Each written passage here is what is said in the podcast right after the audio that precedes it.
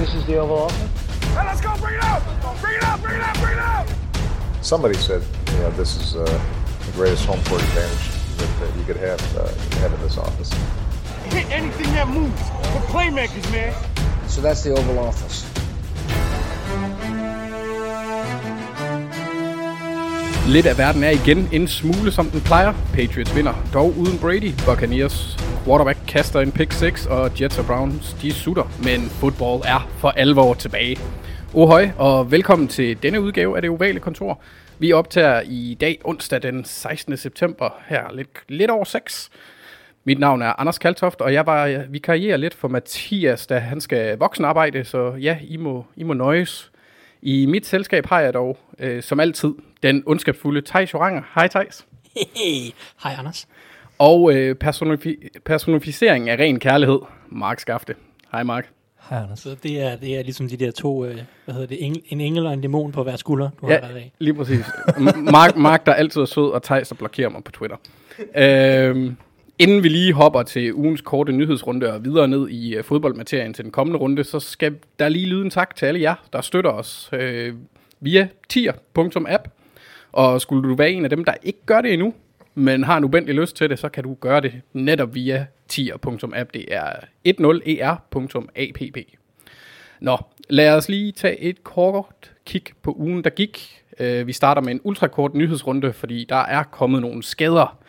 Både Colts running back Marlon Mack og Cowboys tight end Blake Jarvin må se resten af sæsonen fra sidelinjen, da de begge har overrevet deres akillescener, mens der er kortere pauser til Jets running back Le'Veon Bell og 49ers cornerback Richard Sherman, som begge er blevet sat på IR, hvilket betyder, at de er ude i minimum tre uger mens Saints stjernereceiver Michael Thomas forventes at misse et par uger med den såkaldte high ankle sprain, og det er jo ikke en, ikke en rar skade, sådan en, der, der holder lidt ved. I de mere positive, positive nyheder har Mohamed Sanu skrevet under på en etårig aftale med 49ers til en værdi af godt 1 million dollars. Øhm, ja, det var, det var det, vi havde for nyhedsrunden i den her omgang. Øh, inden vi går til denne uges kampe, skal vi lige et kort smut forbi sidste uge. Mit take fra, fra sidste runde er, at jeg følte mig som Mark, efter han lige er vågnet fra en drøm om Harrison Smith, fuld af glæde og indvendig varme. Øh, for det var fandme skønt med, med fodbold igen. Men Thijs, øh, hvad tog du med dig fra sidste uge?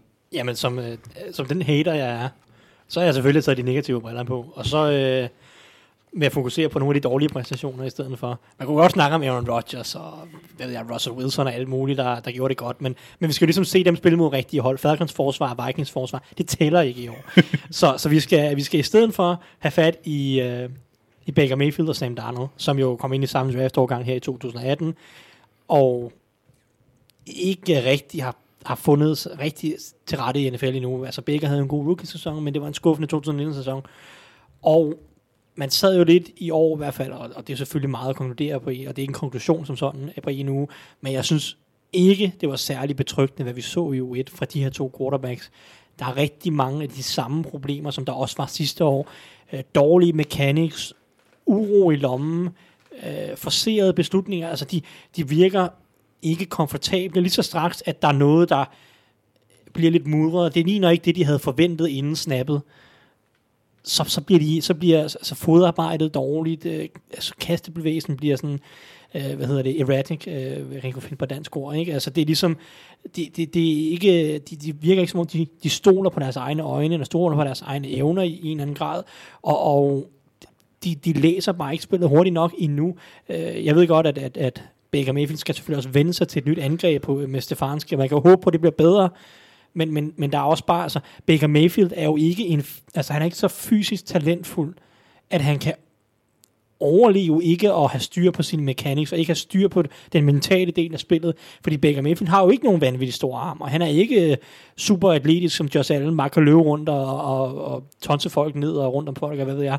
Han har jo brug for at vinde fra lommen med, med, med præcise kast og, og en forståelse for spillet, og og jeg, jeg synes bare, det, det, det er lidt, nu er det også Ravens, det er også et godt hold, men, men Thank you. Ja, men, det var så lidt. men det, det er jo bare, øh, jeg synes bare ikke, han så komfortabel ud på nogen som helst måde med, med de reads, han laver, og med sin mechanics, og det samme gælder egentlig Darnold, og, og Darnold har det selvfølgelig også super svært, fordi der er sådan cirka en anden spiller på det angreb, der burde starte, ah, måske to, ikke? Jameson Crowder og Mekhi Becton, er måske de eneste to spillere på det angreb, der, der reelt set har NFL starter-niveau lige nu, i hvert fald. Øh, og så har han også Adam Gaze som head coach slash offensive koordinator, så der er selvfølgelig også nogle, nogle, nogle problemer i, i den forstand. Så det, jeg ved godt, det ikke er lette forhold for de to quarterbacks, men, men de er bare begge to ikke umiddelbart kommet videre. Fordi altså, hvis man omvendt tager sådan som Daniel Jones, som jo også havde ekstremt svære forhold, den quarterback, der blev presset mest af alle i hele mm. runden, mod et rigtig godt Steelers-forsvar, og alligevel spiller han en rigtig god kamp. Altså, han var rigtig god mod Steelers. Så, så det er jo muligt for de her unge quarterbacks at vise nogle gode takter, selvom det er om, under svære omstændigheder. Og Darnold og Baker Mayfield gjorde ikke i U1. Og det er selvfølgelig noget, vi skal holde øje med på længere sigt, fordi som sagt, det er U1, og der er altid nogle, nogle, nogle ting, man skal i gang med osv. Men det var ikke super, super betryggende i forhold til, at, at det her er de afgørende sæsoner for de her to quarterbacks, øh, i, i forhold til, hvor meget man skal satse på dem fremadrettet. Nej, man må også sige, Baker Mayfield, han går jo ind, når de skal starte her i morgen, og, og, eller i dag, vil sige torsdag nat, natten til fredag mod Bengals, og får nogle lidt nemmere arbejdsvilkår, vil jeg... Ja, der skal vi se noget. Han må ikke gå ud og levere endnu en dårlig kamp, så, så, så er panikknappen for alvor ved at blive smashet i bunden, ikke? Øh, det, det, det må ikke ske, fordi det, det der jo er med Baker Mayfield, det er, at vi har et Browns-angreb, der har en rigtig god offensiv linje. De havde fem starter, der spillede godt i den her weekend, stort set. Uh, Jedrick Wills havde en, en fin debut. Uh, Wyatt Teller er begyndt at komme ind og etablere sig på den her anden guard, uh, ved siden, ikke ved siden af Betonio, men Betonio mm. er dygtig på den ene guard, det har han været i mange år. Uh, de har J.C. Treader i midten, som er en solid center. Og så Wyatt Teller, som er den her unge, uh, man blev draftet, jeg tror jeg, fire runde af Bills og blev så traded til Browns sidste år i sådan lidt en, en backup trade og sådan noget. Men, men han virker til at etablere sig. Han spillede ret fint i, i, i Witt her. øh, og så har de selvfølgelig Jack Conklin på højre tackle, som også er fint. Så de har fem gode offensive linjefolk. De har to gode receiver Jarvis Landry og Odell Beckham Jr. De har Titans, Austin Hooper, David Njoku, som godt nok også er råd på injured reserve nu, så har nogle skader. De har Nick Chubb, de har Kareem Hunt. Der er ikke nogen undskyldninger. Der er ikke nogen undskyldninger for Baker Mayfield. Vi skal have en god sæson fra hans side i år. Og det var ikke en god start. Det bliver ser til gengæld øh, noget svært ud for din gamle darling, Sam Darnold, eller undskyld, Dick Hammer Jr. Jr., når han skal møde øh, 49ers her i weekenden. Det, altså, jeg forestiller mig ikke, at han får vendt det slemme billede, vi har haft af ham efter første runde her, og tror heller ikke rigtigt. Jeg har ikke sådan, kunne jeg forestille mig, at du heller ikke har stor tillid til, at Gase han ændrer de. Øh, Altså, de er jo blevet en Sherman fattigere øh, i uh, 49ers, det er selvfølgelig fint. Det hjælper lidt på det. Men altså, nej, det, jeg har ikke nogen store forventninger til Jets overhovedet. Det tror jeg også godt, at folk har forstået øh, så, øh, så nej. Nej, ja, men skal vi så ikke uh, kigge lidt fremad på ugens kampe? Og vi starter med ugens matchup. Og Mark, du har simpelthen valgt at, at fokusere på to af de største overraskelser i scenen. Ja, måske i hvert fald en af de største overraskelser i sidste runde. Det er Washingtons defensive linje mod Cardinals offensiv linje. Ja, det er NFL's bedste defensive linje, synes jeg, vi godt vi kan sige. Øhm, oh, nu skal du passe på, at du sidder med en Steelers-fan. Ja. Skal du, nu skal du lige... Jeg ved godt, at øh, jeg var selv inde på det faktisk også. Ej, det er fair nok. De har, en, de har i hvert fald flere gode spillere end Steelers, for de har jo nærmest, jeg ved ikke, 5-6 stykker. De har en vanvittig, vanvittig linje lige nu. Men, men det er også, lad os nu snakke om Washington nu her, mens det går godt. Fordi lad os nu se, om det holder. Så jeg synes, vi skal tage den, når det er. Øhm, de havde 8-6 mod Eagles. Jeg snakkede om det i podcasten inden, at, øh, at Eagles godt kunne blive en skuffelse, blandt andet på grund af nogle af de skader, de havde på den offensive linje.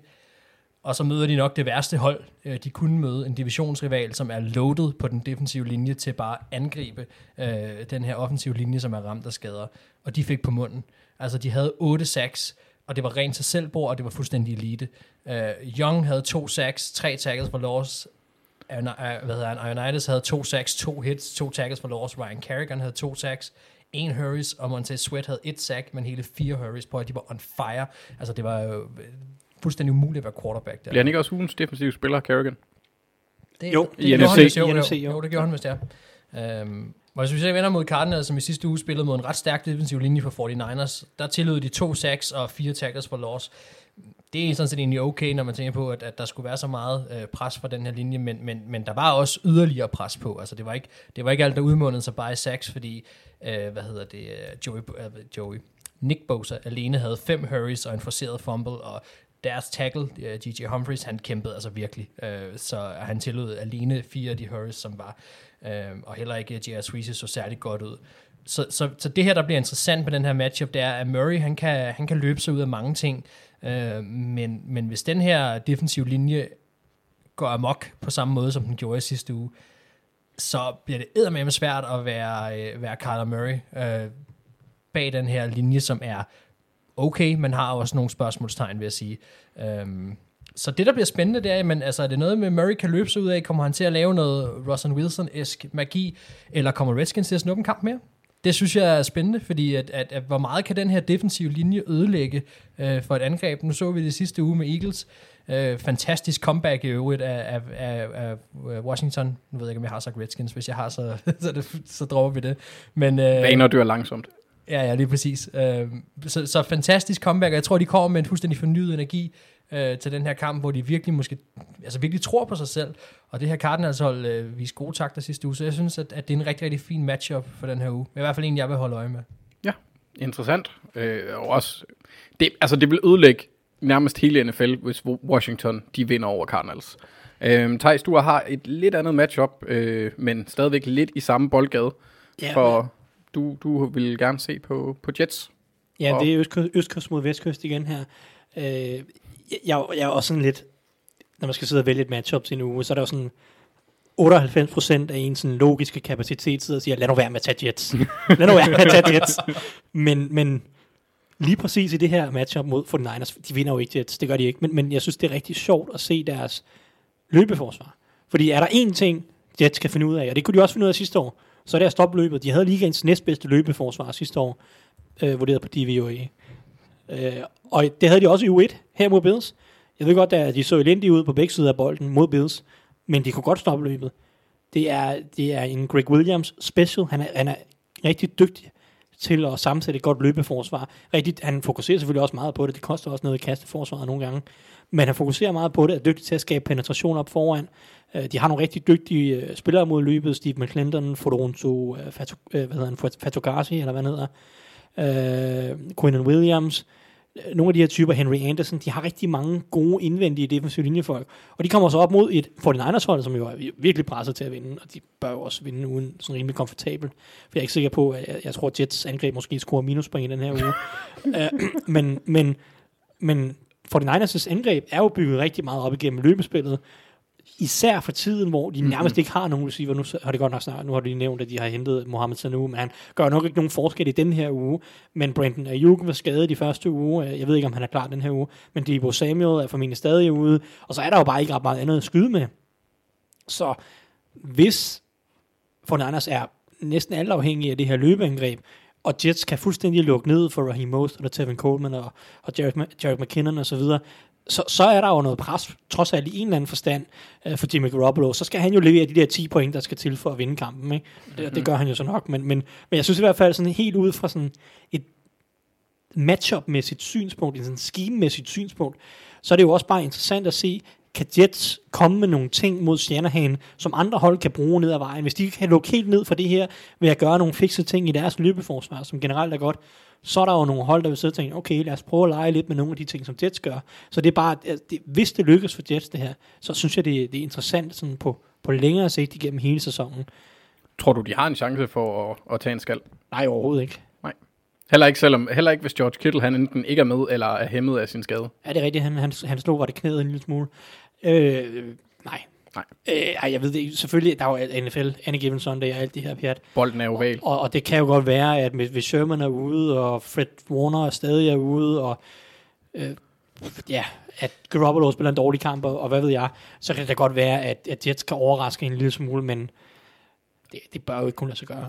Det bør det ikke, men sådan umiddelbart i forhold til, hvad Jets er gode til at, at stoppe løbet, så i, i weekendens kamp, der havde 49ers, de havde, var det fire kast til, eller fire receptions af wide receivers for 41 yards i løbet af hele kampen. Det var, det Ja, var ikke kønt. Og, og, og så, så man kan sige, 49ers er ikke bygget til at udnytte Jets svagheder, i den forstand, at Jets har ikke nogen cornerbacks, der er gode overhovedet.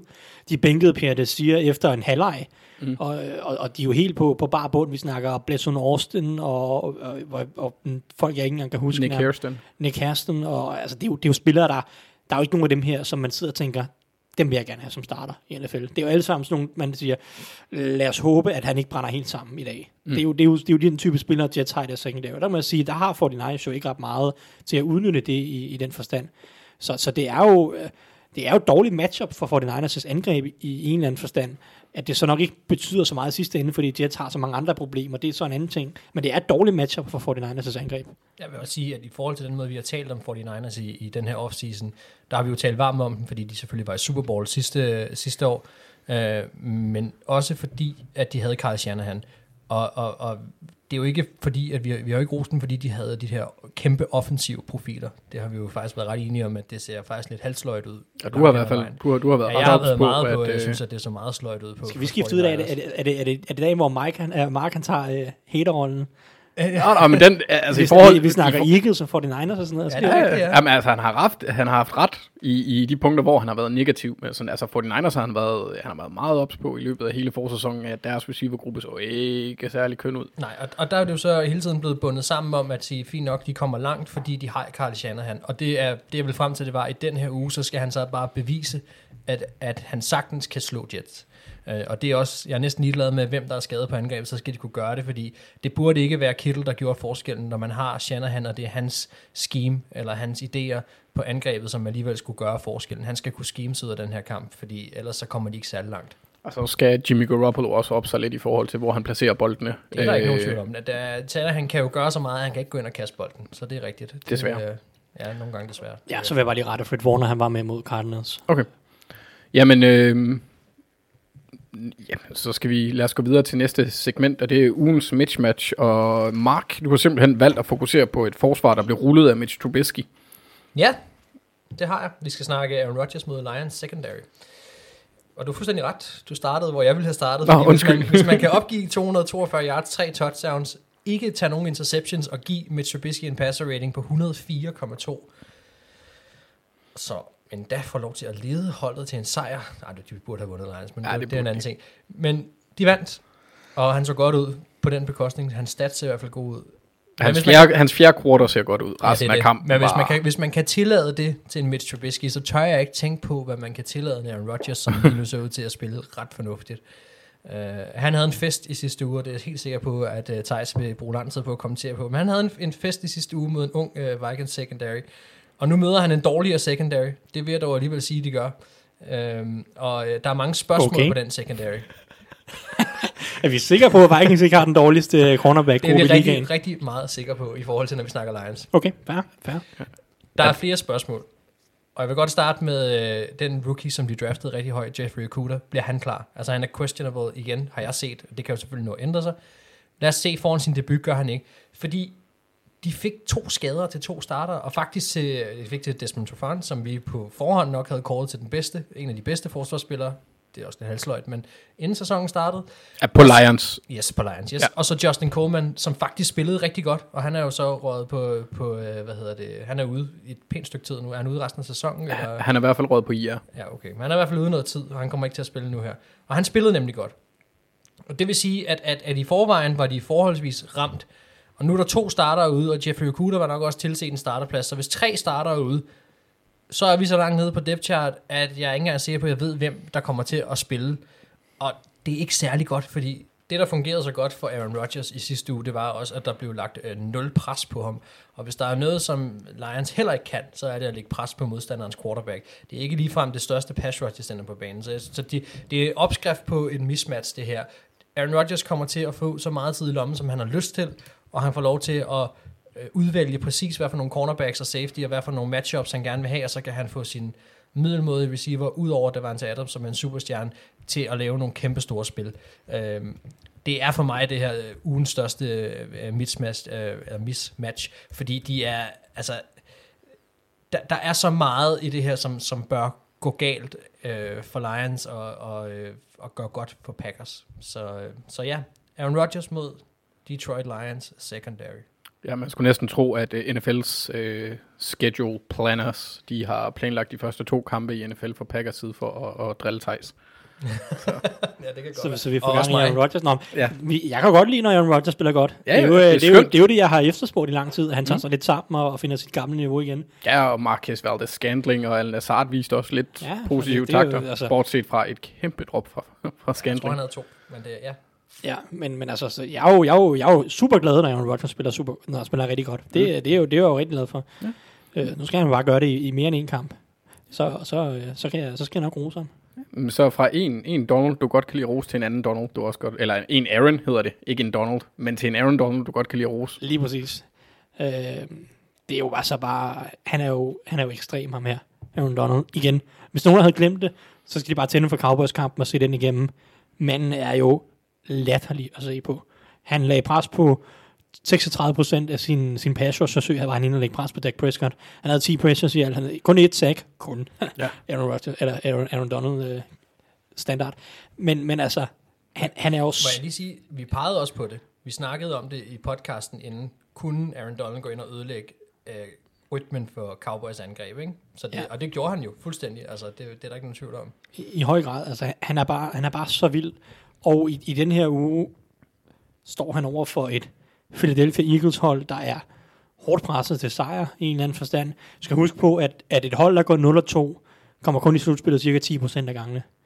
Nu ved jeg godt, at der er en ekstra slutspilsplads i år, men det ændrer ikke på procenterne ret meget, hvis man går tilbage i tiden og, og finder ud af, havde et 0-2 hold noget syvende seed i den forstand. Det ændrer ikke ret meget på procenterne. Det er stadig omkring 10% af 0-2 holdene. Så at gå 0-2, det er virkelig op ad bakke, så hvis man skal hele vejen til slutspillet.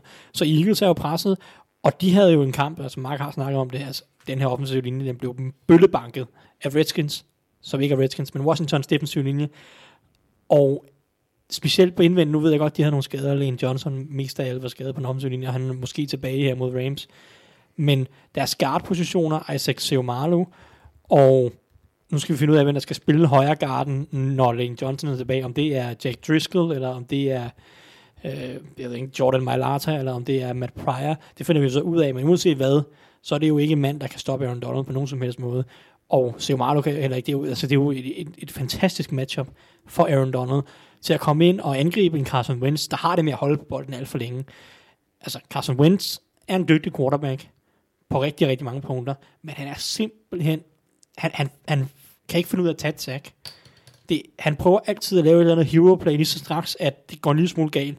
Og så flager han rundt og holder ikke ordentligt fast på bolden, eller kaster en eller anden håbløs bold ind i triple coverage, eller altså generelt, Carson Wentz, han forser for mange ting, tager for mange chancer i sit spil, og holder på bolden for længe. Hvis Aaron Donald først kommer ind og får skabt en masse ravage, kommer ind og får lagt pres på Carson Wentz, mod et forsvar, Rams forsvar, der spillede umanerligt meget zone mod Cowboys. Jeg ved ikke, om de har tænkt sig at gøre det også i den her uge. Men hvis de spiller rigtig meget zone, så kommer det til at være rigtig mange øjne på Wentz, når han begynder måske at prøve at forsere nogle ting, eller kaste nogle risikable bolde. Og, og så, det er jo det er en opskrift på fumbles, det er en opskrift på interceptions. Altså, i, det, det, Aaron Donald kan smadre, ligesom Redskins, som ikke er Redskins for helvede. Washingtons, 5 kroner i bødekassen. Ligesom, ligesom Washingtons defensive linje ødelagde det her for Eagles angrebet, så kan Aaron Donald jo gøre rigtig, rigtig meget af det samme. Så ved jeg godt, at Rams ikke har de samme trusler på kanten eller fra edge-positionen, men, men Donald kan jo gøre så meget skade på det her Eagles angreb, at, at det, det kan, altså, uh, jeg, jeg gruer lidt for det øh, i en anden forstand, og jeg synes, det er et kæmpe mismatch. Var det, øh, det, var, det var det, du havde med... Ja, altså, jeg, jeg er enig, det er et vanvittigt bit- mismatch, og det kan komme til at gøre rigtig, Man kan også snakke om. Washingtons venstre tackle, han står over for Chandler Jones i den her uge. Uh, det er Jaron Christian, og han var så dårlig i første uge mod Eagles, at man kan, man kan næsten ikke fatte det. Uh, og det er ikke overraskende, fordi han var også umanerligt dårlig i college, men det er sådan en anden ting. Men, men altså, han- ham over for Chandler Jones, det, hvis Dwayne Haskins ikke bliver sækket tre gange af Jones, så ved jeg ikke, altså, så bliver han nærmest overrasket. Ja, ja, men øh, så på, med de ord, så synes jeg, vi skal gå videre til øh, vores... Hvorfor vinder de? Og det er her, hvor jeg går hen og håber, at det bliver en lille bit smule spicy, Thijs. Øh, vi starter Jeg skal med... prøve at levere. Ja, altså det er, det er jo lytterne, de har, de har stemt, og de har givet os i hvert fald en mulighed for at være lidt spicy med, med det ene valg. Men vi starter ud med det andet, og det er et hold, som løb sig til sejr, og et hold, der kastede sig til sejr. Det er Patriots, der løb, og Seahawks, der kastede, øh, vi skal snakke om. Og Mark, du har fået lov til at forsvare, hvorfor man skal løbe bolden enormt meget. du skal tale for, at Patriots slår de ellers løbeglade Seahawks. Ja. Jamen, øh, Patriots, de slår Seahawks, fordi at Seattle Seahawks kommer til at møde et øh, pass defense, som er virkelig godt. Og øh, det kommer til at tvinge dem til at løbe bolden. Gamle vaner, de ruster ikke rigtig, vel? Og så er vi tilbage til et Seahawks hold, som ender i en eller anden tæt kamp, og der tror jeg på Bill Belichick. Det er sådan ret kort opsummeret, hvordan det kommer til at ende. Men uh, Tyler Lockett og DK Metcalf, som jeg for øvrigt synes er fantastiske receiver, de får svært ved at løbe om hjørner med. Både Bill Belichick, men også uh, Gilmore og company. Der er altså virkelig, jeg var virkelig, virkelig imponeret over den her Patriots secondary. Og det var ikke kun uh, Gilmore, som jeg faktisk altså, synes havde en lidt hård kamp. Det var faktisk mere sådan nogle øh, uh, J.C. Jackson, Adrian Phillips, uh, som også lavede interceptions. Um, og, og sådan en som Jonathan Jones, som var super i, i, i slotten. Altså, der, der er virkelig noget, der fungerer rigtig godt, og Belichick beviser bare igen, at han er dygtig til at, at scheme noget fuldstændig fantastisk for sit forsvar. Jeg synes, det var ret svært at se øh, de der spillere, som vi har snakket om, som har opdaget ud. Det var svært at se, at de manglede. Øhm, så, så jeg vil sige, at, at de kommer til at slå dem, fordi at, at, at de... Øh, at Seahawks kommer til at møde et, et, et forsvar, som, øh, som kommer til at tage det bedste ud af kampen på rigtig Patriots-manér. Øh, og det var jo deres kastangreb, som var forrygende i sidste uge. Og øh, så bliver de skræmt på, øh, på trænersiden i Seattle, og så begynder de at løbe bolden for meget. Og så kommer de tilbage til nogle gamle vaner, som ikke er, er helt så gode. Og så viser Patriots jo sådan set også på den anden side af bolden, at de godt kan finde ud af at have et funktionelt angreb med, med Cam Newton, så de skal nok score i hvert fald lidt.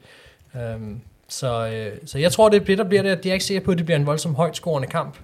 Uh, jeg tror, der bliver lukket ned for noget af det her Seattle-angreb, meget af deres kast, og så, øh, så bliver det en tung løbekamp. Ja, Og det kan være til Patriots fordel. kan det. Thijs. Ja, Øh, jo, måske, hvis det bliver sådan en løbekamp, hvor de to offensive linjer får en afgørende rolle. Øh, det jeg vil sige, øh, der, der er flere grunde til, at Seahawks vinder, udover at de har den bedste quarterback. Men det, som jeg jo er bekymret for med Patriots, og Patriots forsvar, som vi er ikke rigtig, det vil vi ikke rigtig se mod, mod Miami Dolphins, fordi Dolphins har ikke en offensiv linje, og jeg ved godt, at Seahawks offensiv linje ikke er god, men, men, men Patriots pass rush er ikke godt.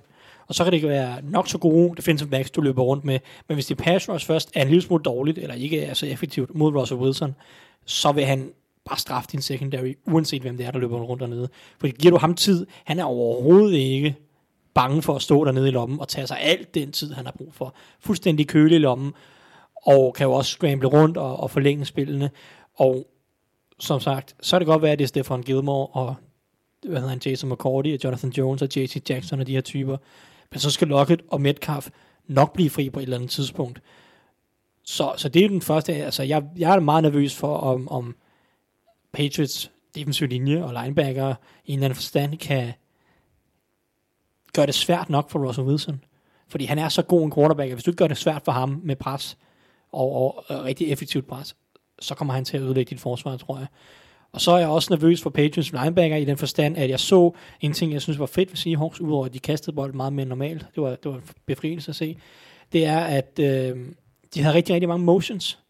Øh, der, var, der var klart skruet op for øh, mængden af kreativitet og forskellige motions og misdirections og alle mulige ting. De brugte Locket rigtig kreativt på mange måder og havde gang i mange ting ofte. Og, og det ligger, ligger jo et stort pres på, på forsvaret og, og deres evne til at arbejde på en eller anden måde i en space, synes jeg, fordi du strækker ofte holdet meget øh, horisontalt når med nogle af de her motions. Og, og jeg, jeg stoler 0% på Patriots linebacker, når vi skal ud og lege, lege sådan nogle lege. Øh, Så, så jeg frygter, at de i høj grad godt kan blive udstillet, også, altså også med løbebolden, fordi der er ikke nogen tvivl om, at Seahawks de kommer sikkert til at løbe bolden mere i den her uge, fordi det er Seahawks, og det er Pete Carroll, og jeg tror at mest af alt, at han har også været ude nærmest og undskylde for, at de kastede bolden så meget, som de gjorde. Nej, men det, det mener jeg helt seriøst. Han er ude og Ja, sige, ja, jeg så det "Ej, vi, vi, vi, vi skal løbe lidt mere. Vi havde kun 20 løb, og det er ikke helt nok og sådan noget. Og, jeg, ja, man får lyst til at smadre hovedet gennem en, en væg. Eller Jamen. Seahawks-fans må ikke have fine ting. Nej, nej, can't have nice things.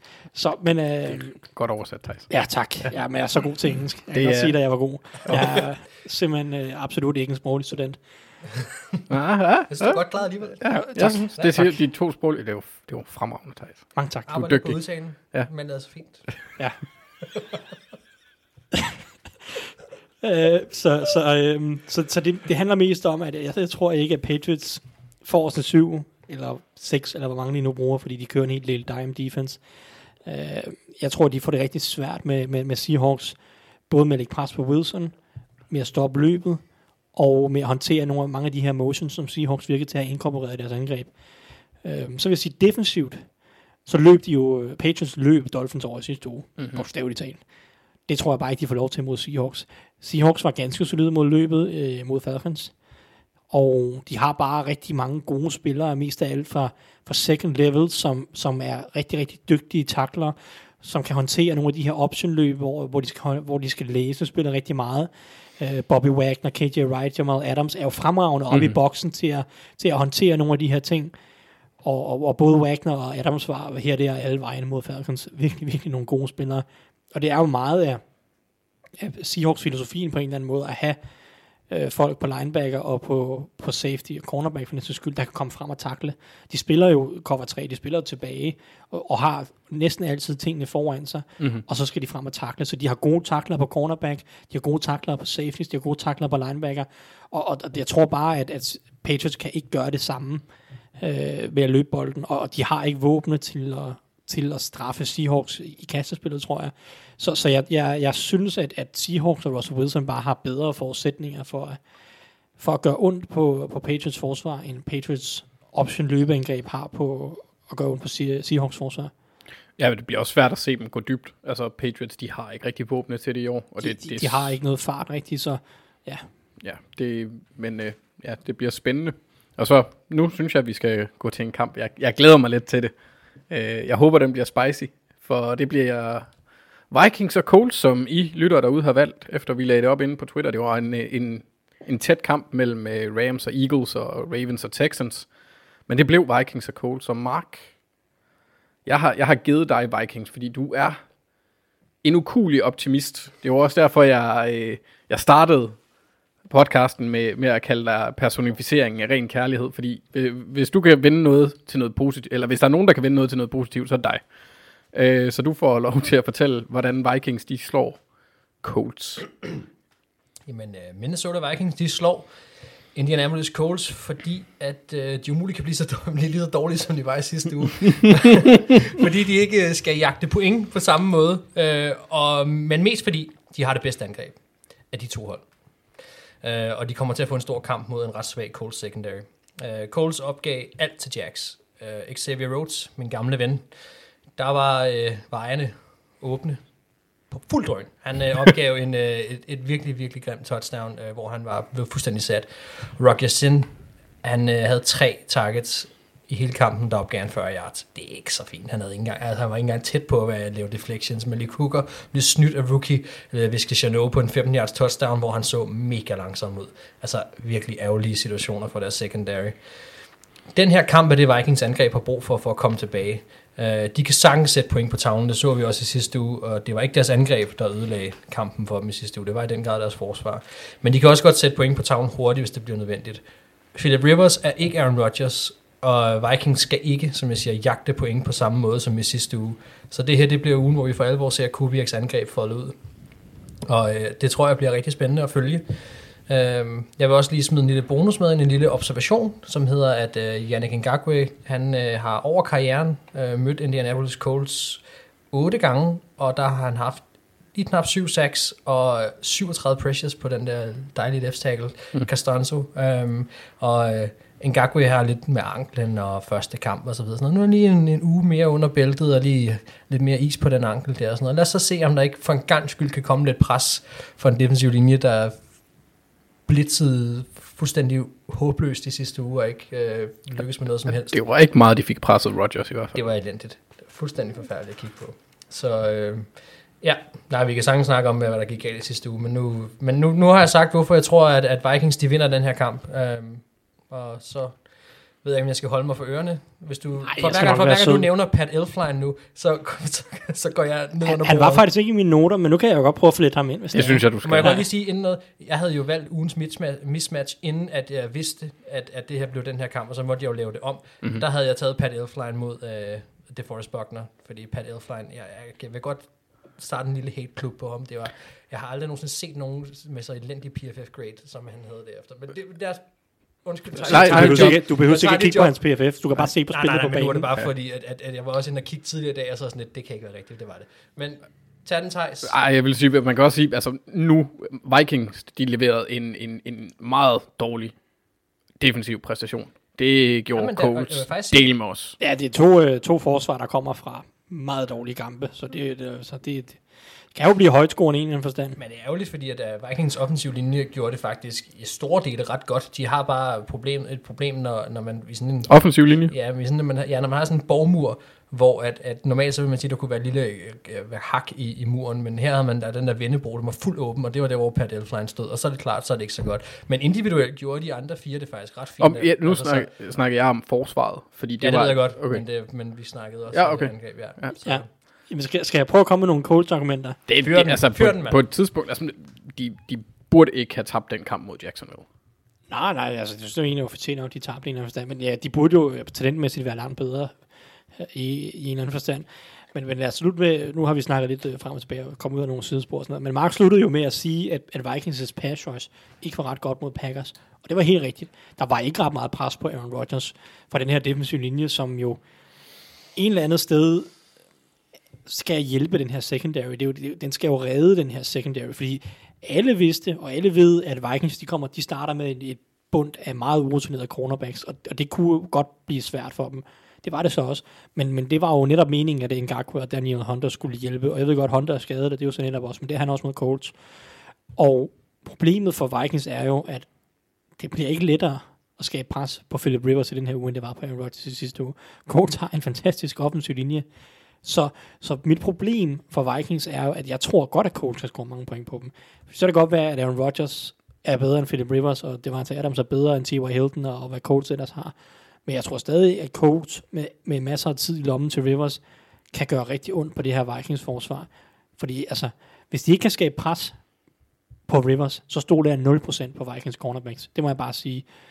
Holden Hill var virkelig, virkelig dårlig at se på. Cameron Dantzler ikke lige så dårlig, men også, han havde en svær kamp også. Altså, det, det er ikke meget, de har at skyde med, og jeg er egentlig overrasket over, at Jeff Gladden i første rundevalget ikke får chancen, eller fik han, chancen. Han, øh, han var småskadet i camp, og jeg ved, han fik mindre reps. Ja, øh, men sådan han må snart få chancen. Jamen, det tror jeg også, han gør. Tror- Hill kan ikke spille mange kampe, som han gjorde i søndags, før at, at, at Gladney får chancen. Men, men uanset hvad, jeg stod, om det så er Gladney, der skal ind og få sin debut eller hvad, det er sådan set lige meget, jeg stoler ikke på dem alligevel. Så, så jeg tror, at Colts skal score mange point, fordi den offensive linje bare kommer til at give Rivers så umanerligt gode forudsætninger for at flytte bolden. Øh, og, og reelt set flyttede Rivers og Colts kastangreb jo egentlig også bolden ganske udmærket mod Jaguars. Rivers havde bare et par, par dumme interceptions. Den ene er så måske mest af alt bare godt forsvar, men altså, det, det, jeg er sådan set ikke så bekymret for Colts angreb baseret på Jaguars kampen, og jeg tror, jeg tror sagtens, de kan få en fin kamp mod Vikings. Det, der selvfølgelig er bekymrende, det er Colts forsvar, øh, og, det er jo sådan, mest af deres kasteforsvar, kan man sige, så er de så heldige, de møder Vikings, der, der gerne vil løbe bolden meget. Og det er, det er lidt mit andet problem med Vikings, det er, at det er det hold i runde 1, øh, i hvert fald før Monday Night-kampene. Øh, jeg har ikke set om Titans måske øh, løbe bolden mere, men i, hvad, i, hvad man snakker om, et neutral game script, altså mens kampen er lige, i en eller anden forstand, mens begge hold har en, en, en hvad hedder det, en sandsynlighed, en, en sejrs uh, percentage, sandsynlighed, der ligger inden for 25 og 75 procent. Ikke? Øh, så, så mens kampen er tæt, så var Vikings det hold, der løb bolden aller oftest. Og det er lidt problemet for Vikings, hvis de lukker mange point ind, så, så kan de bare ikke køre det angreb. De kan ikke få lov til at løbe bolden meget, fordi de skal ud og jagte hele tiden, og det skal være stærkt, og de skal have, at, have mange point. Og igen, jeg, jeg tror, de avner den situation mod Colts igen, for jeg tror, Colts scorer point, og, og, jeg, og Vikings vil gerne løbe bolden, og jeg synes at reelt set, at Vikings bør komme ud og kaste bolden en hel del mod Colts, prøve at komme på forkant af det her, og udnytte, at Colts secondary så virkelig, virkelig dårligt ud mod Jaguars. Og, og det er jeg ikke sikker på, at Vikings vil. Jeg tror, de vil fortsætte med at komme ud og prøve at etablere Dalvin Cook og, og, det her løbespil. Og det, det tror jeg er en forkert strategi, og jeg tror, det er en problematisk filosofi for hele året, fordi Vikings forsvar forventer jeg ikke kommer til at være i hvert fald være godt her i starten, i hvert fald den første måned, halvanden måske. Så, så det er ligesom de to primære argumenter, det er, at jeg tror ikke, at Vikings forsvar kan skabe pres på Rivers, og det kommer til at få deres cornerbacks i problemer. Og så tror jeg offensivt, at de kommer til at fokusere for meget på løbet igen, og så kommer de bagud igen, fordi deres forsvar kan ikke holde kampen lavt scorende, nok til at de bare kan tonse Dervin Cook øh, de her 25 gange, som de gerne vil. Så øh, det, det, det er egentlig mest filosofisk og offensivt, at jeg er bange for Vikings, og, og jeg synes, det taler til Colts fordel. Jeg vil sige, at i, sidste uge, øh, da de kom bagud, der handlede det ikke så meget om, de forsøgte at etablere løbet. Det var en turnover, og så var der et, et spil, hvor de var presset helt ned på et yard linje og det endte med en safety. Um, og det, det var det, der gjorde, at de kom bagud. Um, fordi egentlig så, så, så kørte det sådan set egentlig okay, men, men, men de to spil, en grim interception fra Kirk Cousins og en safety, det gav bolden tilbage til Packers ret hurtigt, og så var de bagud. Uh, og bagefter, så viste de, at med kastangrebet, jamen der kan de sagtens sætte point hurtigt på tavlen. Jeg tror faktisk, at det var Aaron Ja, men Rodgers, det er det, jeg synes, det, Ja, det de, de, vil gerne, de skal gøre det fra starten af. Fordi jeg tror ikke, de, ellers så kommer de til at komme bagud i rigtig, rigtig mange kampe med det her forsvar. Ja, men det er rigtigt. Jeg er også enig med dig langt hen ad vejen om, at Dalvin Cook ikke skal være så central en rolle, som han er. Øhm, det, er det er jeg meget enig med dig i. Men jeg tror, vi endte med sidste uge, at det var Aaron Rodgers og Kirk Cousins, som havde flest plus 20 yards completions ned af. Altså, der, der, der er noget, der fungerer for Vikings angreb, også i kasteangreb, og de kan godt sætte point hurtigt på tavlen. Men- så skulle men- de komme bagud mod Colts, så tror jeg, de har en større chance for at indhente dem. Altså, de havde to chancer mod Packers, som jeg ser det, hvor det krævede et stop af forsvaret, og hvor forsvaret bare lod angrebet løbe igennem og tage tid og sådan noget, så, så var det umuligt. Men angrebet holdt holdet ind i kampen meget langt hen ad vejen, og kunne sagtens også have, trukket dem længere, hvis der havde været nogle angreb eller nogle defensive stop. Øhm, så jeg synes ikke, at angrebet indtil videre er problemet for Vikings. Det er kun forsvaret, som du startede med at nævne også. Ja, altså Vikings var stadig det hold, der løb mest, mens kampen var tæt. Og Cousins havde, var det seks kasteforsøg i første halvleg eller noget Ja, det er klart, de var ikke på banen jo. Nej, nej, men det ved jeg godt, men det er jo det, der, det er lidt noget af det, der er problemet, ikke? At, at Men det var ikke, der, men det var ikke på grund af løbet, de ikke var på banen. det var stadig det hold, der løb den mest, Mark. De løb, de løb bolden 60% af tiden, mens kampen var tæt. Okay, ja, det, ja, det, kan, det kan godt være, det har jeg ikke set det til, men jeg vil i hvert fald sige, at første halvleg, der havde det ikke noget at gøre med, at de prøvede at etablere løb, der havde det noget at gøre med, at de, de lavede to turnovers, og nærmest aldrig fik bolden Ja, tilbage. jeg, jeg, altså, jeg, det, Så- og det grundlæggende problem var forsvaret, og Packers bare havde nogle ufattelig lange drives, mm-hmm. og forsvaret overhovedet ikke kunne stoppe noget som helst. En ting, vi skal tænke at lægge mærke til med secondary, det er, at der var faktisk mange ting, som fungerede rigtig fint, øh, eller som ikke fungerede i filmen. Der var nogle ting, hvor man kan sige, der var det faktisk reelt ret god opdækning, men det var bare nogle fuldstændig fantastiske kast, der blev lavet. Også der var blandt andet et touchdown, hvor man vil sige, der tror jeg, man nok ville have sagt, at, mm-hmm. at der var spilleren dækket, men Aaron Rodgers, han, han, han kaster den bold, og det er ikke sæt. Hvis Philip Rivers gør det, så tror jeg, der er lige så stor chance for, at den bliver interceptet, end, end, end, end, altså, end at den ender i touchdown. Så der er nogle ting der, øh, som vi vil se anderledes, øh, og som jeg tror også, vi vil tænke lidt anderledes om secondary. Men det er ikke for at sige, at den er fantastisk, det er den overhovedet ikke. Men der var bare nogle ting også, som, som måske var bedre. End, Ja, men de, de ramte Rodgers og Adams på en, en dårlig dag. I den forstand. Nej, altså, vi har, Altså, Vikings en er god dag for notorisk- dem, er det for ja, Packers, er ikke? Men- notorisk elendige imod Davante Adams, og det giver ingen mening. Jo, De- det giver mig, han, og- og- nu skal jeg fortælle dig, hvorfor. Han er en rigtig god receiver. Det er der ikke nogen tvivl men, men, men, men når man ved, at han er den eneste, man skal stoppe, og det er de vidst, jeg ved ikke, hvor mange gange nu her, de, de, det er, ja, det er Men, men, men ufattelig pe- mange peg mig på den corner, peg, peg i retning af den cornerback, der kan stoppe bare en, en top 10 receiver i NFL lige nu. Ja, lige nu ja. Men tidligere har de jo... Det havde de heller ikke sidste år jo. Nej, nej, nej. Men det er rigtigt. Det er rigtigt. Jeg tro, troede lige, du mente hele NFL, så skulle Men, jeg øh, sige de, mig godt nok de møder ham to stykker. gange om året, og han spiller har, alle sammen for Ravens. De møder ham to gange om året, og han har haft 100 yards. Jeg ved ikke, hvor mange kampe i træk. Jamen, det er rigtigt. De skal sætte sig ned, og så skal de sige, nu sætter vi tre mand på ham, og så må Rodgers løbe den ind. Altså, det er... Ja.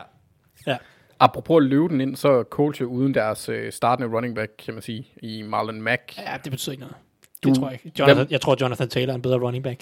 De tror bare, de vil give ham en langsom start, fordi han er rookie, så det, det får han så ikke nu. Nu bliver han kastet for løven. Og så har de også Naheem Hines, som er en perfekt Rivers back, fordi han mm. er så god i kastespillet. Men det var også der, hvor de begge to i, i weekendens kamp gjorde deres øh, primære arbejde. Det var i kastespillet, for på jorden, der var de ikke voldsomt gode. Ja, men det, det, er jo, det er jo Rivers. Rivers er jo, Rivers er jo den, den aggressive Derek Carr, i en eller anden forstand.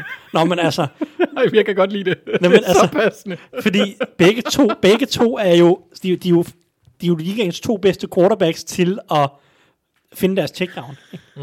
De, de er super, altså, øh, jeg, jeg så en på Twitter beskrive Derek Carr som, at Derek Carr er helt fantastisk dygtig til at være meget hurtig til at finde sit checkdown. Altså i den forstand, at, at altså både lidt kritik og ros på samme tid. I, Mhm. i, altså, at han er for passiv, fordi han altid, næsten altid er klar til at kaste den til checkdown, men han er også så dygtig til at gøre det på de rigtige tidspunkter og gøre det hurtigt, at de her checkdown options ofte har rigtig gode muligheder for at få jack efter det. Så, så det er jo sådan, man sidder ofte med Derek Carr, kom nu, kaste nu lidt mere ned ad banen, være nu lidt mere aggressiv. Og det har man sige, der har Rivers jo, der, der er han mindre bange for at, at, at tyre den ned ad banen. sige, det er Og han har også nogle hovedløse beslutninger ja. i den forlængelse. Men Rivers er jo det samme på samme måde, utrolig dygtig til at se forsvaret. Hov, mit checkdown må have plads nu her, fordi at forsvaret gør et eller andet. Og så, har han, og så han, kaster han bare til checkdownen. Mm. Og, og det er så Naheem Hines rolle i høj grad, og Taylor viser også, han kunne noget af det. Men øh, det, sådan har Rivers jo altid været med Danny Woodhead og Austin Eckler, og hvad ved jeg. Jeg tror altså heller ikke, det ved jeg ikke, nu skal jeg selvfølgelig ikke tale for meget for jer, men jeg tror ikke, der var nogen af os, der havde set Marlon Mack som, som den der third down back igennem hele sæsonen alligevel. Og Det er lidt en committee, synes jeg, de har i, i, i, i Indianapolis i forvejen, så, så det ville have været værre for andre hold, vil jeg sige. Helt sikkert. Deres øh, startende, nu laver jeg øh, kaniner, altså startende quarterback eller running back. Altså, han har, han har været rigtig god, når han, når Jeg han kan- ikke har været godt skadet. Anders, Men vi, har jo, vi har jo haft draftet ham også, så, Ja, ja. så det er i vores øh, har, du, fantasy. har du egentlig... Har du, ja. ja, nej, det skal vi ikke snakke om. Det Nej. er... Det, det gik ikke godt. Øhm, mig, tager- og- den tager mig- på Twitter. Ja, mig, mig og Marks tur i fantasy, det, det dårligt internet er en forbandelse. Øhm, apropos dårligt internet, men det ved jeg ikke hvorfor apropos, men øh, vi vil gerne, nu skal vi kigge på et spørgsmål, som vi gerne vil have besvaret i den kommende runde. Øh, og Mark, du har fået lov til at præsentere os for det spørgsmål. Ja, ja, jeg har jo besluttet, hvad, hvad vi gerne vil se frem til. Ja. Øh, og hvad vi Meget royalt er der. Ja. Øhm, jamen, jeg, jeg synes, det var sjovt at, at tage den positive hat på, og så kigge på Gruden og Minshew. Øh, jeg har selv peget lidt på dem i nogle af vores programmer også, og det kunne være, der var noget spændende der. Det så jo godt ud, vil jeg lige sige, efter første uge. Øhm, Jamen, Men- du ramte et par stykker der på, på nogle af dine, øh, hvor vi andre vi var lidt imod, og der, der Ja, er ja, første uge, den så ud til at være markvenlig. Lige bortset fra Vikings selvfølgelig. ja, det var meget ikke markvenligt. Ja, det må jeg man sige. Men, Det var, det var ikke markvenligt. Nej.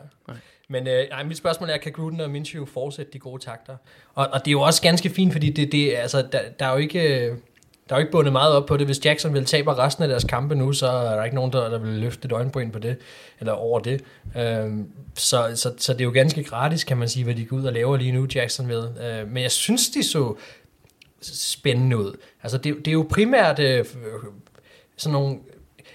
Jeg ved ikke, om det er helt forkert det her, men der var bare nogle ting, der mindede mig en lille smule om Patriots, i forhold til at lave sådan nogle 7-10 yards kast, som bare rykker linjen bare lidt, men nok til, at de kan gå frem, og så kan de løbe bolden lidt, og så videre. Altså, der var nogle, der var nogle Patriot-esk ting i det, i noget af det, de gjorde. Øhm, og det var, det var egentlig ret fint, fordi det lignede til, at man spillede til Minshews kvaliteter. Han så godt ud i lommen, synes jeg, langt hen ad vejen. Han så også forholdsvis tryg ud. Han ser altid Øh, godt ud, Mark. Ja, men det gør han. Det er rigtigt. Det er der ikke nogen tvivl om. Øh, men, øh, men jeg synes, jeg synes at, at han så tryg ud. Jeg synes, det så ud som om, at, at det ikke havde...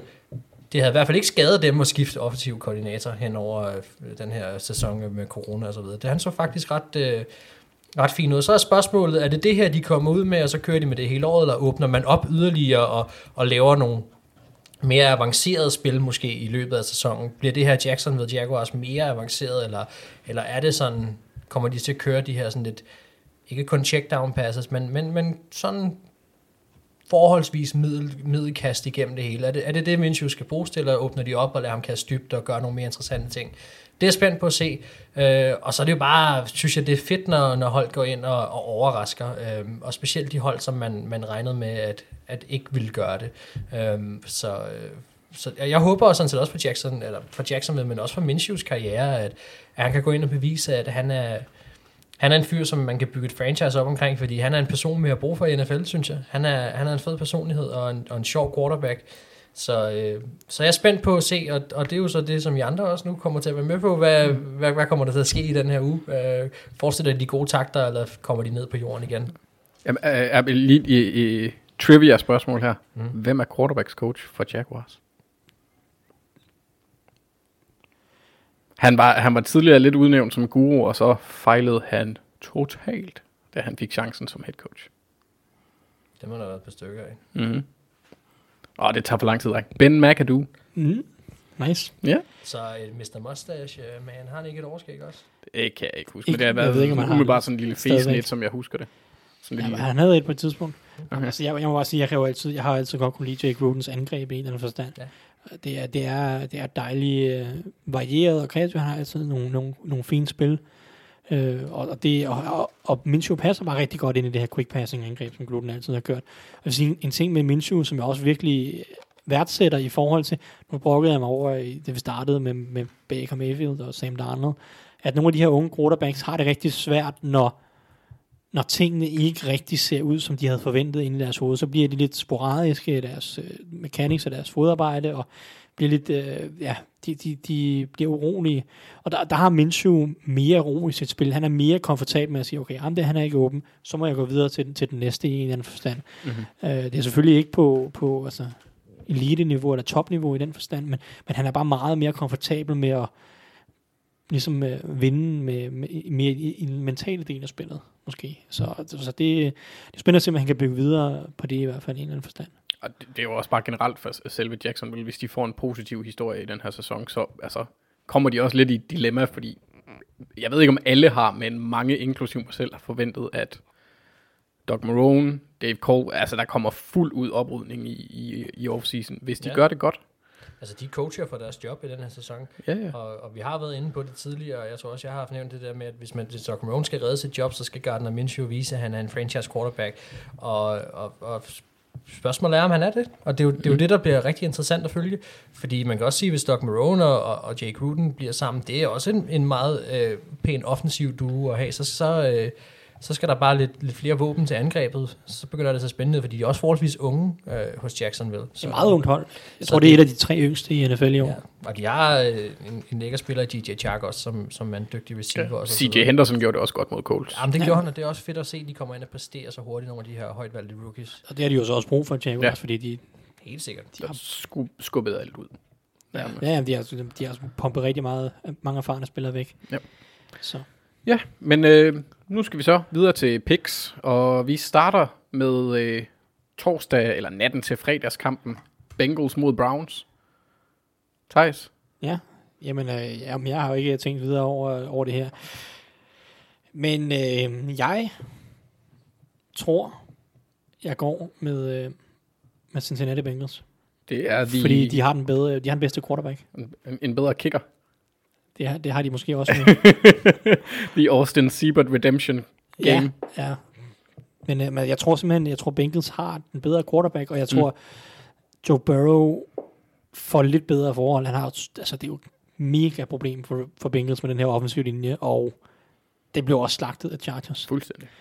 Og Browns har også en rigtig god defensiv linje, uden tvivl, men jeg tror bare i, i højere grad, at de kan finde, finde lidt plads og kaste, kaste hurtigt, og, og så tror jeg, at jo selvfølgelig bare bliver mere og mere komfortabel. Øh, Jeg synes også, at ja, vi så det, det, det sidste drive, så Burrow jo rigtig god ud. Øh, så er det så bare han- ærgerligt, at er en, en passende føring og en kicker skulle udlægge det for ham, ikke? Men, men altså, jeg tror, jeg tror Bengals har den bedste, bedste quarterback, så jeg, jeg tror, jeg går med dem. Ja, altså man kan også sige, altså øh, Larry Ogun- Ogunjobi, han, han gav også Baltimore problemer, og så har de jo Miles Garrett ved siden af. Så må vi bare håbe, at, øh, at Randy Bullock kan få spist nogle bananer og drukket noget vand, så han ikke får krampe igen. Mark? Hvem? Altså, på, før sæsonen tror jeg helt klart, at jeg ville have haft taget Browns, men, øh, men, men U1, selvom man ikke skal lægge alt for meget i det, så har det alligevel taget sådan noget af, af min holdning, så jeg, vil godt være med på Bengals. Ja. Øh, Bengal Fever? Ja, det, det er mest bare fordi Browns forsvar også bare så så dårligt ud i en eller anden forstand, mm. altså deres secondary. Og det er måske også forventet, de har nogle skader, og måske også nogle secondary overordnet, men altså, Spillede også mod en, en, en rigtig dygtig quarterback, der lavede nogle... Altså nu, nu, nu ved jeg godt, jeg er farvet her, men nogle af de kast, han lavede, var altså... Det var positivt at se ham vinde på den måde, som vi vandt. det er der ikke nogen tvivl om. For ja. mit vedkommende. ja, jamen, der er ikke nogen tvivl, at Ravens er Det er fedt, at de har fået ham fra running back til quarterback. Hvad, med Ravens? Ja, jamen, det er Steelers også. Ja, skal vi se. Double, jinx. Anders, du er så nervøs for, at jeg sidder og jinxer. Ja. Jeg bare at sige, at Ravens er gode. Så hver gang jeg siger, at Ravens er gode, så er det bare sådan... Prøv lige at sige det igen. Ja, men uh, Ravens er rigtig gode. Jamen, ja, de det er, er, rigtig godt de er rigtig gode. Uh, så skal vi videre til to hold, der måske er rigtig gode. Det er Jaguars Titans, og det skal finde, kampen finder sted i Tennessee. Ikke? Jo. Hvem, uh, hvem har du som vinder af den, Thijs? Ja. Øh, bum, bum, bum. Øh, det, øh, altså Titans burde jo vinde, så... Men det, altså, øh, Titans var, nu har jeg, jeg har, det er den eneste kamp, jeg har set nu faktisk, det er den sidste Monday Night kamp, så jeg ved, jeg ved ikke helt, øh, jeg har bare kun, kun set lidt, øh, lidt sporadiske højdepunkter, så de sidste fem minutter, hvor at, øh, Rick Fangio, han tossede rundt. Mm. Øh, så Så jeg, Corey Davis havde, en- havde en, en han havde en fin kamp, og, og Titans burde jo nok have vundet rimelig komfortabelt, men misser jo så en masse field goals ind det sidste og så videre. Øh, Så jeg, jeg, jeg- går med Titans, tror jeg. Det må være det fornuftige. Det, vi vælger at tilskrive Jaguars overraskelsen øh, lidt øh, week one øh, fun, fun seas.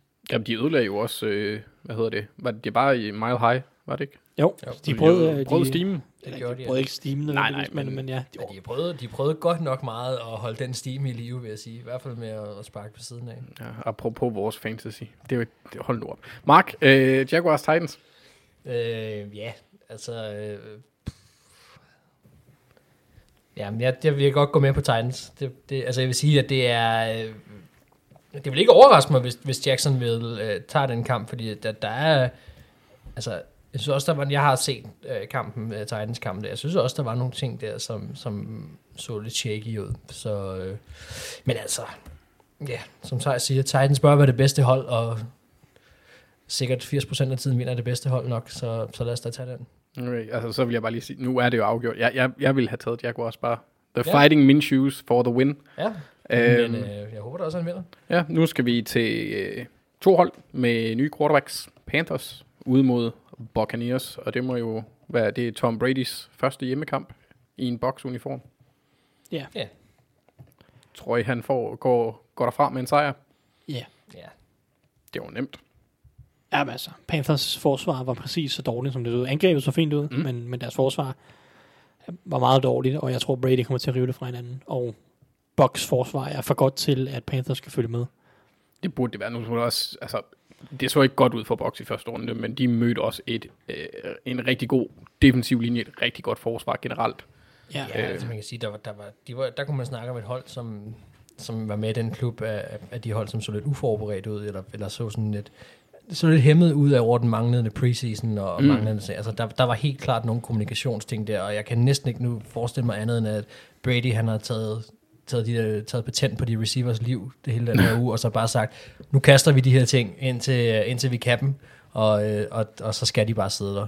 Øhm, så, så lad os nu se, om ikke det ser lidt bedre ud. jeg vil sige, jeg er enig i, at der var nogle tydelige nogle, nogle miskommunikationer og nogle, nogle manglende timings. Men jeg synes slet ikke, det var så skidt for Buccaneers, hvis jeg skal være helt ærlig. Jeg synes, de er så fine ud langt hen ad vejen. Jeg kunne sagtens gået deres vej. Der er lige nogle, nogle turnovers, som er jo lidt ukarakteristisk for Brady. Mm. Men, men langt hen ad vejen, synes jeg jo egentlig, at de er mindst lige så gode som Saints. Ja, det synes jeg også. Men Men det, altså, er- så, så jeg, jeg, jeg er overhovedet ikke klar til at, at gå i panik, skulle jeg til at sige, over, over Buc- Buccaneers. Jeg synes stadig, Nå, de er så, nej, nej. jeg synes stadig, de er så fine ud. Jeg, jeg, jeg har stadig store forventninger til dem. Buccaneers skal sådan set bare i slutspillet, og så skal slutspillet Brady i, i gang. Altså, så, så er jeg næsten ligeglad, hvordan og hvorledes de kommer der til. Var det egentlig ikke også, havde du ikke også lidt forudset, at de ville starte lidt langsomt ud? Nej, det Nej, jeg, jeg, jeg, omvendt? jeg, startede, Nå, du troede, det var omvendt? Jeg, jeg troede, at Buccaneers Okay. ville komme flyvende ud Nå. øh, og, og vinde over Saints i den her uge, Ja, eller de sidste fors- uge de også. forsøgte Ikke? at komme flyvende ud, det gik bare galt. Ja, ja, så altså, der, der, var nogle ting der, som de stadig skal arbejde på, men jeg synes egentlig, jeg synes også, jeg synes heller ikke, Brady var så dårlig, som nogen gør ham til i, i, i kampen. Der var også nogle rigtig fine kast. Altså det, det er klart, det, det skæmmer altid øh, præstationen noget, når der er nogle interceptions og en pick six, fordi det, mm. det ser bare altid rigtig skidt ud. Og det endte så også med at blive afgørende i en eller anden forstand. Men, men sådan overordnet set, så synes jeg stadig, at, at Jeg det tror var en okay det er, folk har præstation. taget meget af Bruce Arians kommentar efter kampen, hvor han offentligt snakkede om, at Brady lavede Og så kan man jo så det jeg, brokse over, at- at- undskylde. Men så sig over, at, at Buccaneers var, jeg tror det var det hold, der løb den fjerde mest på første og anden down i... kunne de slet ikke.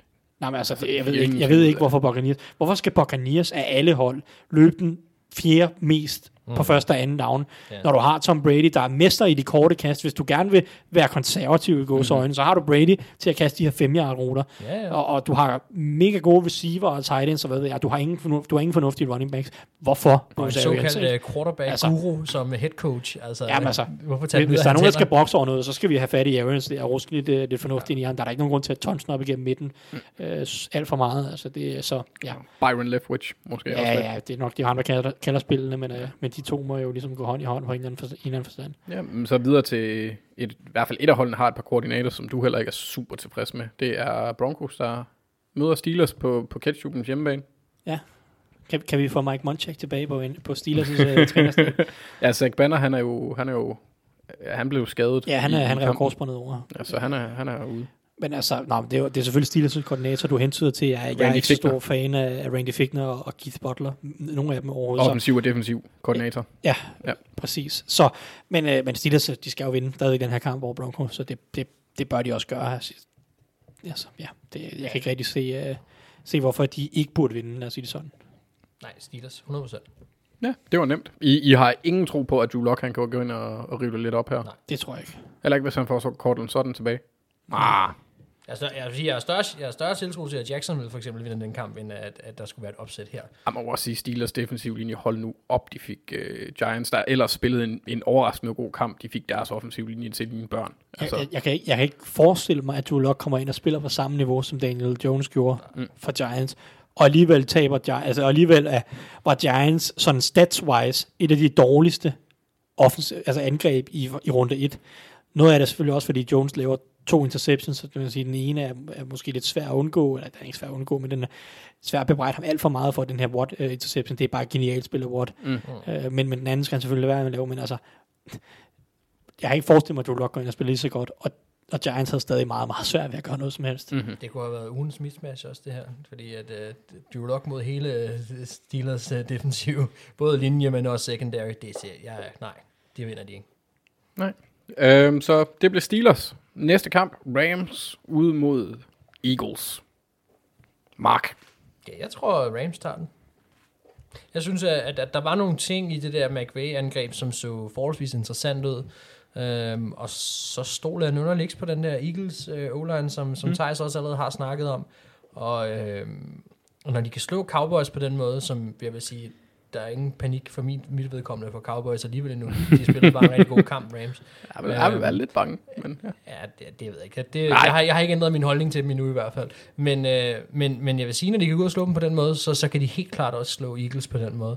Øhm, fordi at Eagles angreb er, er hårdt ramt og generelt på, på rigtig mange positioner. Øhm, og så, så tror jeg, det er et Rams-hold, der kommer ud med, med en god tro på sig selv, og McVay så ud, som om han havde nogle gode ting på angrebet, som de også kan udnytte øh, mod et, et uh, Eagles-forsvar, som, som også er svag i secondaryen ud over slag.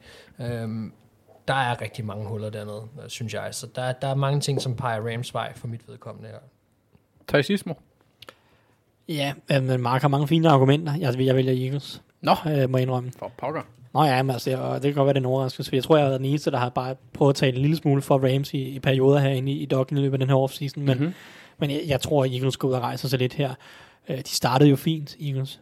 De startede godt mod, mod Washington. Ja, foran. Uh, og Wentz, han spillede rigtig godt i, i, i starten af kampen. Så jeg tror egentlig godt, de kan bygge videre på noget af det, så skal de bare prøve at pille lidt ud, og så hjælper det formentlig, at Lane Johnson kommer tilbage. Det hjælper, at Miles Sanders formentlig kommer tilbage. De to vil gøre en stor forskel, tror jeg, for, for Eagles angreb.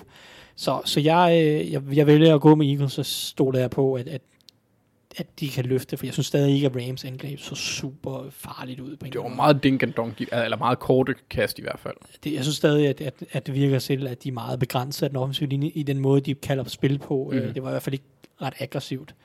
Og det, det er svært at forestille sig, at det vil blive mere aggressivt mod Eagles, der har en rigtig dygtig defensiv linje. Så Ja, jeg går med, jeg går med Eagles. Så den hænger på mig? Ja, du skal, du skal tage et valg, Anders. Jamen, altså, jeg, jeg, da jeg sad og så Rams mod Cowboys, der var jeg ikke sådan super op at køre. Men Eagles, som Mark nævner, deres secondary, er ikke voldsomt godt, og deres linebacker-gruppe er nærmest ikke eksisterende. Så de korte kast kunne jeg godt gå hen og se blive et problem, og så Tyler Higby, han kunne godt få en rigtig stor kamp også. Så, så jeg, tror, jeg tror, jeg går med Rams tager ud, udholdet den her gang. Også fordi de der ondskabsfulde Philadelphia-folk, de ikke er på hjemmebanen, så de kan ikke sidde og råbe grimme ting til Jared Goff, så han bliver ked af det. Jeg, vil sige, jeg håber da for Eagles, at de, at de får gang i det, som med nogle af de ting, som du også nævnte, Thijs. Men, men jeg synes, der er, som du også selv nævnte i, i dit uh, mismatch her nu her, ikke? At, at det er bare et meget, meget, meget ærgerligt hold, eller et meget, meget, meget ærgerligt spiller at møde, ugen efter du lige er blevet sækket otte gange og hurried øh, over 10 gange, at du så står over for Aaron Donald igen. Jeg ved godt, at Lane Johnson kommer tilbage, men de har stadig problemer på Jeg tror mere, det er Jason Kelsey, der skal, der skal redde dem på det punkt. Um, Jamen, det kommer han ikke til at gøre lige. Så skal han have hjælp en af de to guards ud ved siden. Ja. Altså, det er, og det er jo ligegyldigt. 49ers Jets er den næste kamp, den gider vi ikke snakke om. Det bliver 49ers. Ja. Ja, det gør det nok, ja. Bills Dolphins. Det er i Miami. Ja, det tror jeg ikke gør nogen forskel i en anden forstand. Så ja, altså, jeg går med Bills. Det er stadig det bedste coachede hold. Jeg synes ikke, Dolphins så ret gode ud i week 1. Hverken offensivt eller defensivt for det sags skyld. Jeg ved jeg godt, Patriots er godt coachet, men, men, men Dolphins, altså, Dolphins har investeret sindssygt meget i den defensive linje og linebacker-gruppen her i offseason og også lidt sidste år. Og secondary. Og secondary, ja, ja men, men, nu, men, ja, men secondary så du ikke super dårligt ud, ikke? fordi Patriots testede den ret meget, vel? Men, men de har investeret så meget i den defensive linje og linebackergruppen, og de blev bare, de fik stadig bøllebank op foran. Bills kan jo pr- principielt kopiere den gameplan. Altså, Ja, meget langt hen ad vejen, de kan sagtens. Det, det gjorde de jo også mod Jets i den altså Josh Allen løb bolden umanerligt meget. Så det, det, de kan jo gentage meget det samme. Jeg synes kun, det var Christian Wilkins, der spillede ordentligt øh, i de forreste syv. Øh, måske også Van var nok også okay, men de to var de eneste, der præsterede ordentligt øh, op foran for Dolphins, og det jeg er ikke sikker på, at det bliver meget bedre mod Bills. Og de er bare for, de er for godt coachet Bills til at få problemer mod, mod sådan et hold, tror jeg. Mark, tror du, vi får Tua at se så? Ikke nu. Men man ved aldrig, hvornår at uh, Fitzmagic har sin ene eller to brandkampe, hvor han lige uh, brænder banen af for 4-5 touchdowns og, og vinder en eller anden kamp, man ikke havde regnet med. Um, det smerter mig hver gang, jeg går med Josh Allen, men, uh, men jeg synes, at, uh, at, at jeg vil gå med Bills også. Uh, Ja. ja. Jeg har de der 66 procent, Mathias siger, vi skal ramme i picks. Den Ah, fast. så du bliver nødt til at være lidt realistisk. Jamen, så, så er det da godt, den næste kamp, det er Vikings mod Colts, var Mark? Ja, jamen, skal jeg sige det? Ja, det- altså, jeg, det- tager, jeg tager Vikings. Det er helt i orden. Jeg tager Colts. det gør jeg også. Jamen det, der er ikke meget tillid, Hvor Mark. mange, hvor mange Ja, vi kan godt tillade sig en forkert. Det rammer vi ikke på. Det er okay. Den må I gerne have. Det, jamen det er fint. Vi, øh, vi skal nok begynde at respektere Vikings, når de viser, at de kan spille ordentligt fodbold. Altså, nu har de, de har lige en stretch på Colts Titans. Det er præcis det, de har brug for. Ja, for at starte draft-sæsonen. Altså, nu er det heller ikke, fordi jeg er så, fordi jeg er så, så sikker, som jeg lyder, men, men altså, fordi de har haft, jamen, de altså. havde, de havde meget, to meget lignende startskampe, synes jeg egentlig. Ja. Øh, men jeg synes, at, at Philip Rivers, han gjorde egentlig nok, og han viste, at han var det er stadigvæk en god quarterback. Han er stadigvæk bare Philip Rivers, og har taget den der Chargers-ting med, hvor at han, Nu siger en ting han hurtigt. taber kampe for dem Kirk en gang Cousins imellem. er en bedre quarterback end Philip Rivers lige nu. Ja, ja. Og det kommer til at være forskel. Okay.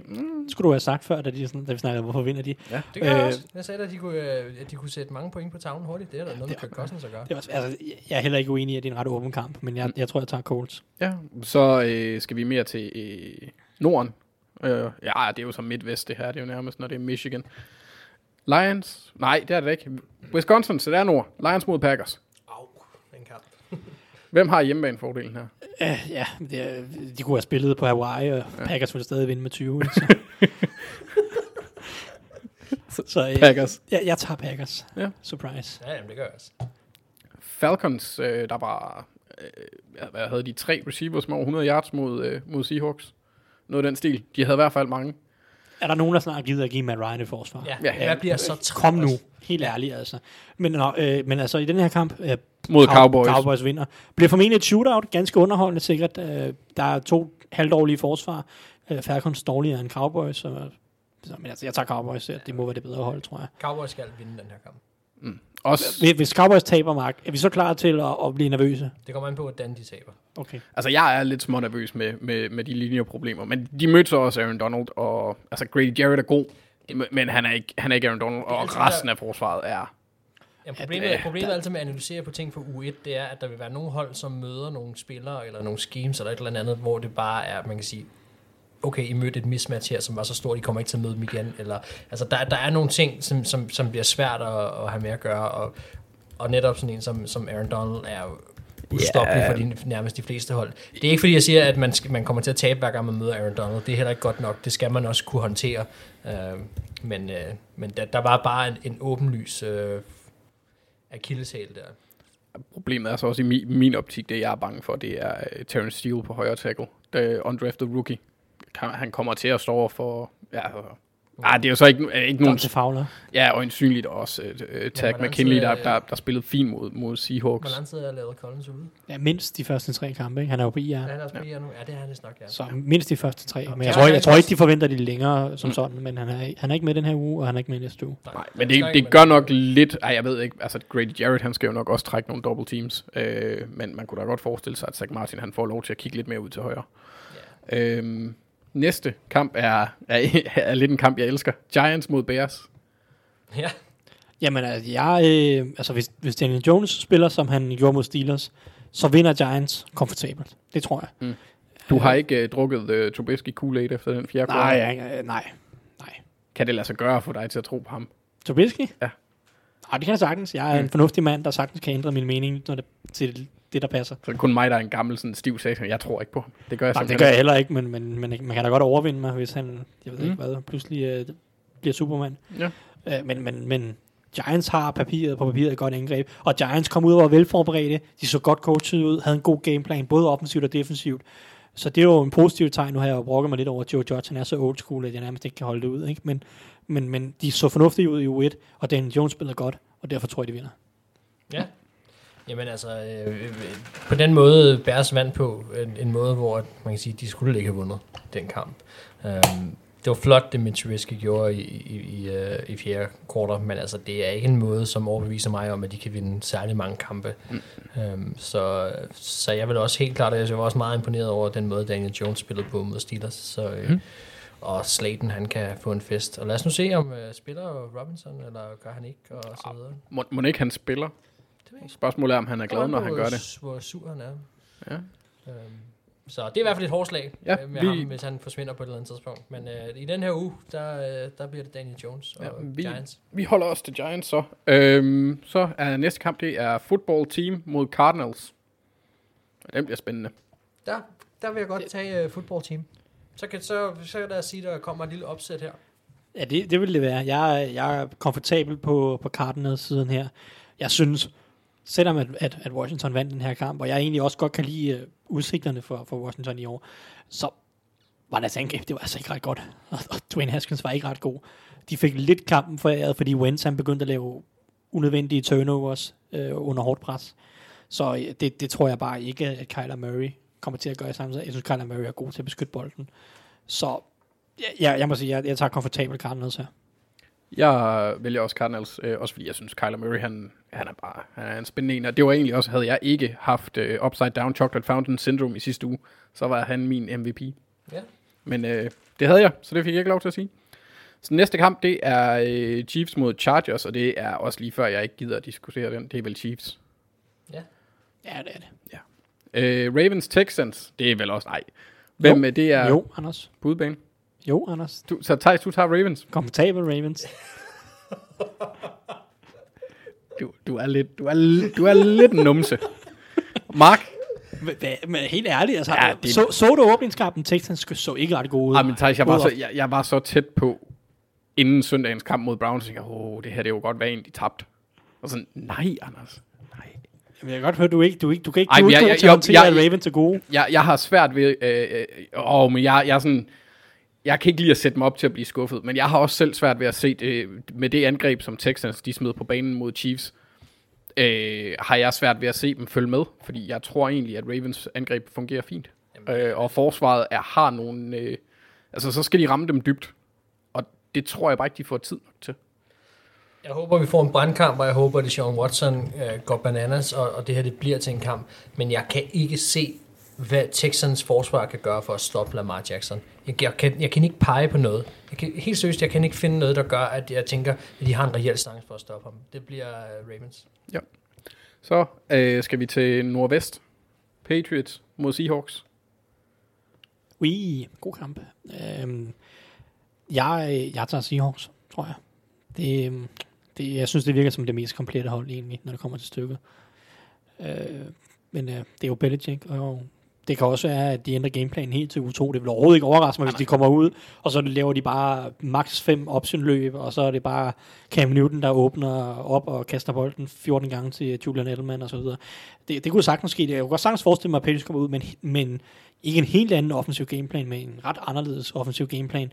Uh, men, men jeg går stadig med Seahawks. De, altså, vores Wilson er, er for god, så må vi bare håbe, at Pete Carroll han ikke begynder at løbe bolden for meget. Mark? Er det her første gang, de mødes, efter Legion of Boom rigtig blev opløst? You, you mad bro-kampen? Eller? Ja, men det må det vel næsten være. Det er jo ikke så tit. Ja, de mødes, det er fire år siden sidst, kan jeg fortælle dig. Men det er vel også, det, det, der var Legion of Boom jo også opløst så småt. Altså Earl Thomas var der stadig, og øh, men altså, jeg er ret sikker på, at Brandon Browner ikke var der længere, og Sherman var der selvfølgelig stadig, men, men Browner var der Chancellor ikke, der og også, ikke? Chancellor, ja, det var han måske også i 16. Jeg tror, de vandt også, ikke? Der er Seahawks. Jeg ved ikke, jeg, jeg har svært ved det, fordi det, det er to, det er vel frem til, at det er så to anderledes hold, end sidst de i hvert fald mødtes. Øh, og det er svært at analysere på de tidligere trænerdueller, synes jeg, fordi det, det er meget forskellige hold, de har lige nu. Um, og de var drevet på forskellige måder. Ja, Seahawks havde øh, Cam, Sherman og Thomas, dengang de tabte. Ja, ja, og, Ej, og Bennett vel også, ikke? Eller hvad?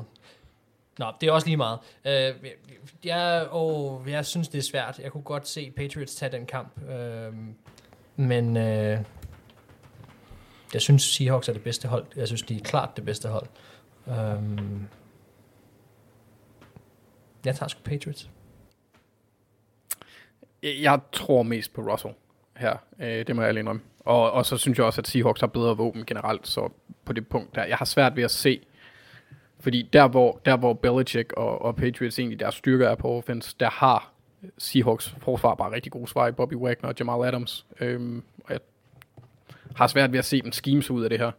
Men, men altså, det bliver spændende, men jeg, jeg, jeg, jeg notcher den lidt til hjemmeholdet og tager Seahawks. Det tror jeg er meget fint, at vi har over, overvægt dertil. Så den, den sidste kamp, det er øh, Saints mod Raiders. Yes, jamen øh, jeg, jeg går med opsættet. Og det er Raiders tager den her. Spændende. Det, Øh, det er, jeg, jeg vil godt være enig med dig. Nå, nu okay. ved jeg ikke, om du nu, har nu over- bliver men jeg Mathias, nu bliver Mathias rigtig træt af hans øh, 66 procent, og hvad ved jeg. Men, øh, nej, Ej, men jeg, jeg, forkert jeg, indtil videre, i hvert fald den her uge. jeg, var, jeg var bare ikke ret imponeret af Saints angreb, Mm-mm. og Michael Thomas er ikke med i den her uge. Nope. Så jeg, jeg, jeg er bange for, at de ikke kan følge med Raiders. Fordi jeg, jeg tror sagtens, at Raiders kan sætte 25 point på tavlen. Og det er jeg ikke sikker på, at Saints kan. Nej, og, Øh, og, man kan sige, at Raiders har selvfølgelig et problematisk forsvar, som, eller kan sagtens have et problematisk forsvar. Men ja, jeg, jeg tror bare, jeg tror, at, at Saints angreb er lidt for, lidt for ramt. det kunne også snilt have været en af de mest interessante matchups i den her uge med, der, med Raiders offensiv linje mod Saints defensiv linje. Mm. For Raiders har en... Altså Tom Cable, nu har jeg gjort grin med ham rigtig meget, men han har vist sig at, at, at være Magic Cable. Han, øh, han har virkelig været god. Øh, Så, Så, en af de bedste offensive linjer lige nu. Altså, Ja, den, den, ah, uden, virkelig, uden tvivl. Den, den, havde, den havde en god dag her i, i weekenden mod Panthers. Vi var så også på, et relativt, på en relativt billig baggrund. Selv, selvom, selvom Derek Brown han fik deres højre guard til at se lidt, lidt skidt ud på et tidspunkt. Ah, det er jo så vildt ud. Ja. Det lille bjørne, bjørneskub, der lige blev lavet. Men vi tager simpelthen Raiders der. Nu skal vi lige se. Yep. Jeg vil også sige, at jeg havde store forhåbninger til Raiders denne sæson, om de kommer i slutspillet og så videre. Så skal de ind og lave sådan nogle øh, opsæt til os, for at vise, de kan det. Jeg var, jeg var også heller ikke, jeg var heller ikke super imponeret af, af Drew Brees Nej, i, det- i det den kamp, og jeg synes også, det var lidt sigende, at de satte sat Taysom Hill ind, Altså, da, det, da, den, da det afgørende kast skulle laves. Ah, måske lige overreaktion fra mig. U1. nej, men jeg synes, jeg synes at, ja, det må de selv om, hvordan de, de bruger ham og så videre. Det er klart, der er nogle ting, der fungerer godt, men jeg synes, at, at det, ja, jeg forstår det ikke helt.